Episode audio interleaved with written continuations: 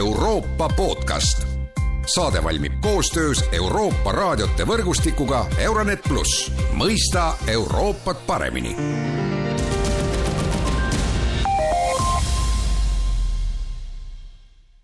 tere päevast ja tere kuulama jälle Euroopa podcasti.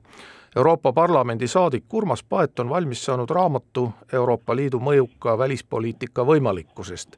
Autor on meil täna Euroopa podcastis ka telefonil, et oma raamatust lähemalt kõneleda. tere päevast! tervist! mina olen Erkki Pahovski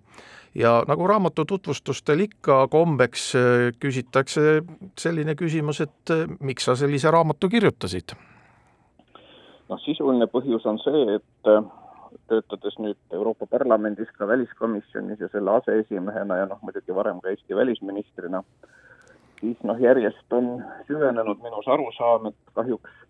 Euroopa Liit äh, maailmas rahvusvahelisel tasandil ei mängi päris sellist rolli, milleks ta oleks võimeline ja ei suuda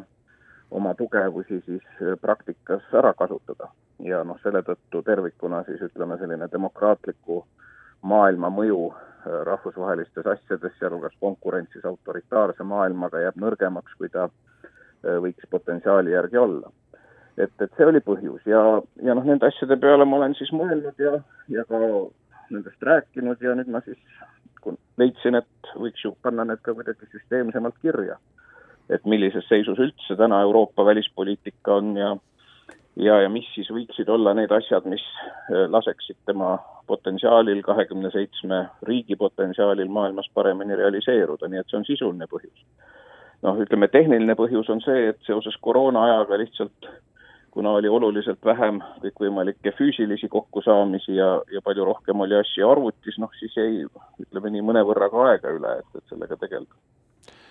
no sa kirjutad äh, raamatu sissejuhatusest, et äh, Euroopa Liit tahab olla maailma suur jõud ja võib-olla kujutleb endale seda ka ette, aga puudu jääb teostusest, et et võib-olla sa räägid nagu paari sõnaga lahti, mida, mida see tähendab, et miks see, miks see teostus siis puudulik on ja mis need põhjused võiksid olla? Noh, väljundi mõttes, mida ma usun, kõik välispoliitika jälgijad ju, ju näevad, et, et kui on kas või mingi kriis või konflikt või mingi suurem probleem, noh, siis esmajärjekorras on justkui äh, sellega tegelemas Ameerika Ühendriigid, noh, sõltuvalt geograafiast ka Venemaa, Hiina, noh, ja võib-olla siis ka mõni nii-öelda üksik suurem Euroopa Liidu riik, on ta siis näiteks Prantsusmaa või või, või ka Suurbritannia varasematel aegadel, kui ta veel oli Euroopa Liidus. aga, aga mitte niivõrd Euroopa Liit tervikuna. ja seda ma seal raamatus siis käsitlengi, et mis on need asjad, noh, ilma milleta või ilma mille muutumiseta Euroopa Liidu mõjukus rahvusvaheliselt ei kasva. noh, üks väga oluline asi on see, et need erinevad komponendid, millest iga riigi välispoliitika koosneb, et ka Euroopa Liidu puhul, kui tahetakse ühtset välis- ja julgeolekupoliitikat ajada, siis need komponendid peaksid toimima tihedas koostöös ühe ja sama eesmärgi nimel. ja noh, need komponendid on ennekõike siis klassikaline diplomaatia, aga ka selline rahvusvaheline kaubandus, arvestades, kui oluline on Euroopa ühisturg kogu muule maailmale, noh lisaks arengukoostöö ja lisaks ka julgeoleku- ja kaitsepoliitika ehk ütleme, selline sõjaline võimekus. ja noh, nendest neljast komponendist see sõjalise võimekuse ehk kaitsekoostöö pool on veel omaette teema, kuna see Euroopa Liidus on alles väga õrnadel jalgadel aga ka need ülejäänud neli ikkagi liiga tihti ei toimi eh, ühise eesmärgi nimel koos, nii et see on üks lugu. teine on otsustamismehhanism, on see, et noh, täna, eks ole, on kõikideks otsusteks vaja konsensust kahekümne seitsme riigi vahel välispoliitikas, mis võtab eh, ikkagi olukordades, kus on vaja kiiret reageerimist, noh, võtab väga pika aja, me mäletame siin näiteks Valgevene diktaatori suhtes sanktsioonide kehtestamist, kui tehti suured sõnad ja siis läks mitu kuud, kui tegelikult mingite suhteliselt nõrkade sanktsioonideni üldse jõuti. ja noh, põhjus on see, et äh, seal paar riiki, eks ole, leidsid võimaluse nende sanktsioonide läbirääkimiste käigus asuda lauale panema ka mingeid muid teemasid, kus nemad tahtsid tulemust, ehk sisuliselt asuma välja pressima, teades, et ilma nendeta otsust teha ei saa. Ehk see otsustamisprotsess minu meelest eriti asjades, mis puudutavad kriise, mis puudutavad inimõiguste rikkumisi, rahvusvahelise õiguse rikkumisi ja nendele reageerimist, et minu meelest tuleks ikkagi tõsiselt arutada siin selle konsensusnõudest loobumist, arvestades, et see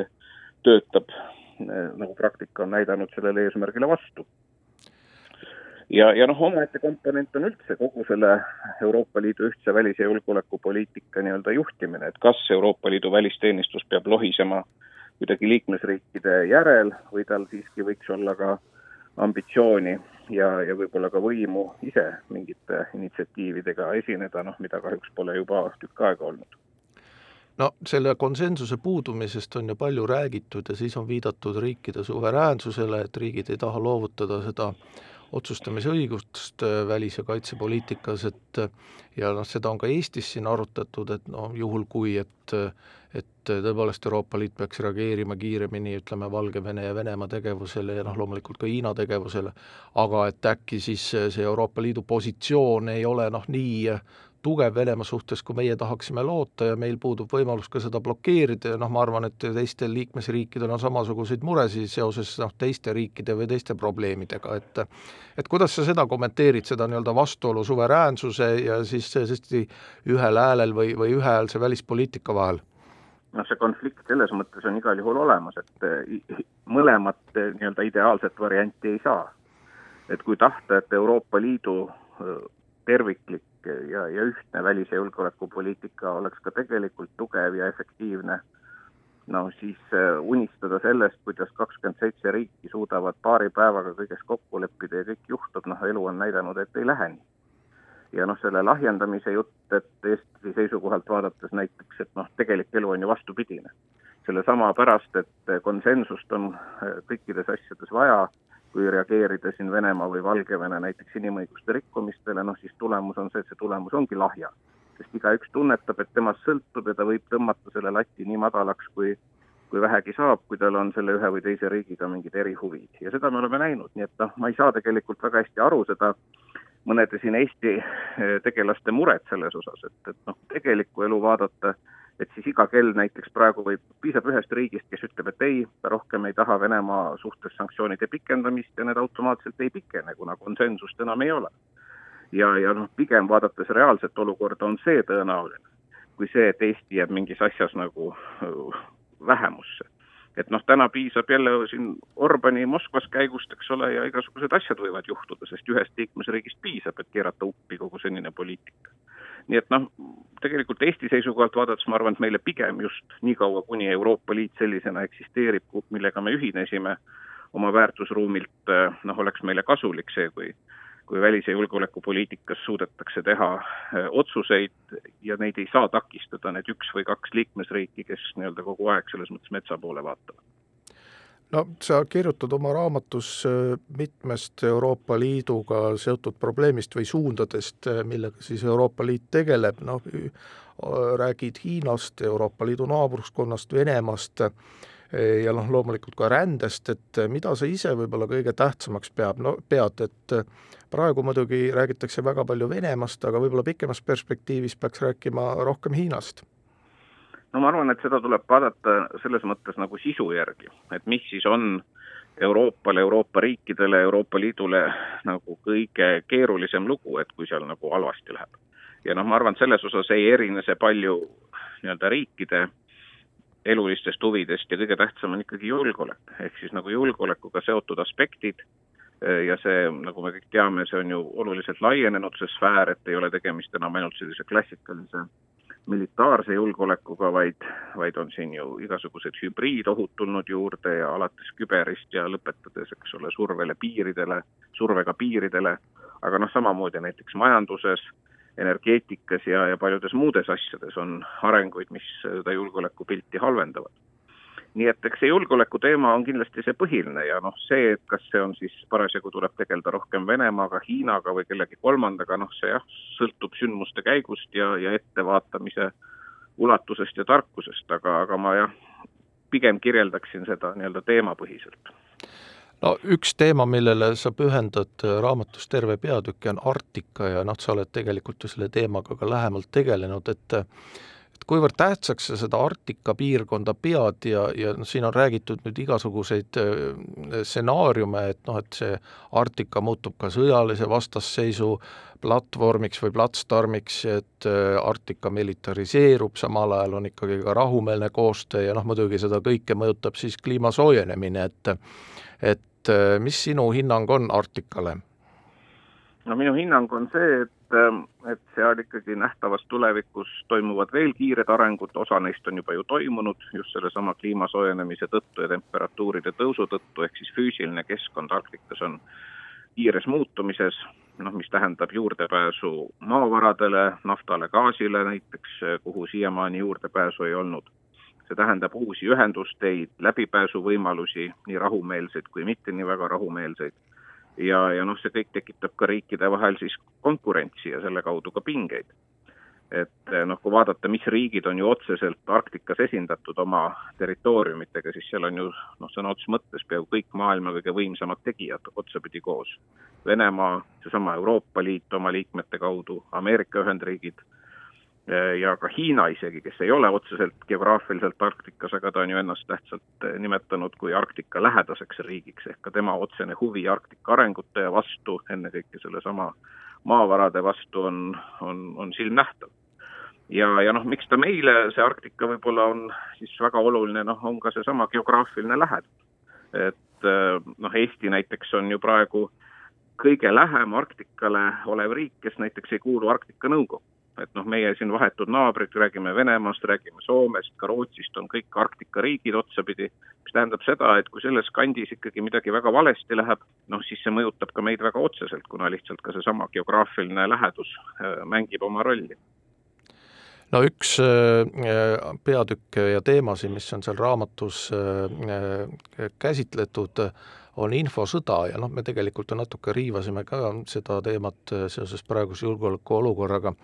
et, et kuidas sulle tundub, et kas Euroopa Liidus võetakse seda infosõja teemat tõsiselt, sest noh, siin võrreldes mõne liikmesriigiga minule tundub, aga lükka mind ümber, tundub, et väga ei võeta, et noh, siin Eestis on tegeletud infosõjaga, Soomes on tegeletud infosõjaga, aga Euroopa Liidu nii-öelda keskuses kuuleb sellest võib-olla vähem? no järjest rohkem tegeletakse sellega, et Euroopa Komisjonis on ju nüüd mõni aasta tagasi ka loodud eraldi üksus täiesti, kes siis peaks avalikustama ja ümber lükkama ja siis ka levitama seda valede ümberlükkamist. nii et, et selles mõttes see asi nagu muutub. ja aga noh, ega võti on ju ikkagi jälle nende liikmesriikide käes. et noh, samas ka siin ma vaatan, on täitsa arenguid, et siin värskelt tuli uudis, kuidas äh, saksakeelne Russia Today telekanal Saksamaal ära keelatakse ja noh, seda olukorras, kus meie pea kõigi Eesti kodudesse jõudvad telepaketid on täis kõikvõimalikke Vene enda kanaleid, eks ole nii et, et ütleme ka see praktiline pilt äh, on muutumas, see arusaam, noh muidugi ennekõike Venemaa enda käitumise tõttu äh, sellest, mis tegelikult üks selline infosõda või, või propagandarünnakud või valeinfo levik tähendab, et see on ikkagi järjest rohkem kohale jõudnud, et see naiivsuse määr noh, kindlasti on vähenenud, aga, aga noh, täna öelda, et see pilt on ideaalne, kaugeltki nii ei ole, sest noh, üks on see aktiivne tegevus, et sa lükkad ümber ja kogu aeg seletad midagi, mida on siis kas valesti välja mängitud või, või valesti tõlgendatud, no teine pool on ka seesama tehniline pool, et kui sul on ikkagi nagu juurdepääs väga lihtsalt kõikidele Vene propagandakanalitele, ükskõik mis keeles nad seda parasjagu teevad, ja teevad nii, et mulje on justkui tegemist oleks selliste täiesti sõltumatute uudistesaadete või analüüsisaadetega, et äh, noh, siis ega siis see mõju ikkagi püsib, et et, et ka selle poolega tuleks minu meelest palju rohkem tegeleda ja, ja noh, mitte olla nii heatahtlik no ja lõpetuseks ei saa ma küsimata jätta ka praeguse julgeolekuolukorra kohta, ehkki sa sellest ka paari sõnaga juba rääkisid, aga ikkagi, et et kuidas sulle hetkel tundub, et, et noh, siin Eestis on eh,, ollakse hirmul ja mõned ütlevad, et paanikaks ei ole põhjust, kuidas sa ise hindad, et kas Lääs on käitunud öö, ootuspäraselt ja, ja säilitanud ühtsuse ikkagi lõppkokkuvõttes? Noh, paanikat jah, kindlasti ei ole vaja kellelgi tekitada, et nii meie siin Eestis kui ütleme üldse NATO ja Euroopa Liit ja meie liitlased, muidugi me peame tegema, mis me saame, et noh, see julgeolekupilt meie seisukohalt oleks siiski võimalikult kindel ja, ja liikmesriikide julgeolek tagatud. nii et noh, see, ma arvan, et selles osas asjad ju ikkagi nagu liiguvad täiesti arusaadavas ja õiges suunas. Et noh, eks üks riskikoht muidugi on see, mida ju Venemaa ka väga tahab ja õhutab, on see, et lääneriigid omavahel kuidagi tülli keeraksid, et noh, natukene ju neid süüdistusi siin on ka lennanud, et küll siis Saksamaa pihta, kes on, ütleme, passiivne või või ei luba näiteks Ukrainasse oma relvi tarnida või, või teinekord ka siin Euroopa ja Ameerika vahel ikkagi tulevad mingisugused teravused välja ja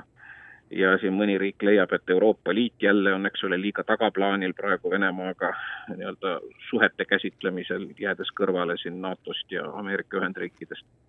et eh, noh, eks neid selliseid väikseid nügimisi on ikka. aga noh, iseenesest on see väga õige, et sellele tuleb no hoida tähelepanu, et eh, kuidagi see praegune pingeline aeg ei kahjustaks liitlaste omavahelisi suhteid, sest noh, on selge, et ega probleem ei ole üks või teine NATO või Euroopa Liidu riik, probleem siiski on Venemaa ja tema vasall Valgevene ja, ja noh, mõned veel, kes siis tegelikult Äh, provotseerivad ja, ja nii-öelda üritavad seda tasakaalupunkti oma kasuks ja meie kahjuks nihutada. nii et ega seda tuleb silmas pidada kogu aeg, et et äh, jah, et meie ka Euroopa nii-öelda vastased või konkurendid ei ole Ameerika Ühendriigid või, või mõni teine Euroopa riik, vaid ikkagi noh, sealt, kust need probleemid lähtuvad, ehk antud juhul Venemaa ja, ja ka Valgevene aitäh, Urmas Paet, selle jutuajamise eest, kuulasite Euroopa podcasti, mina olin Erkki Pahovski, kõike head ja kuulmiseni!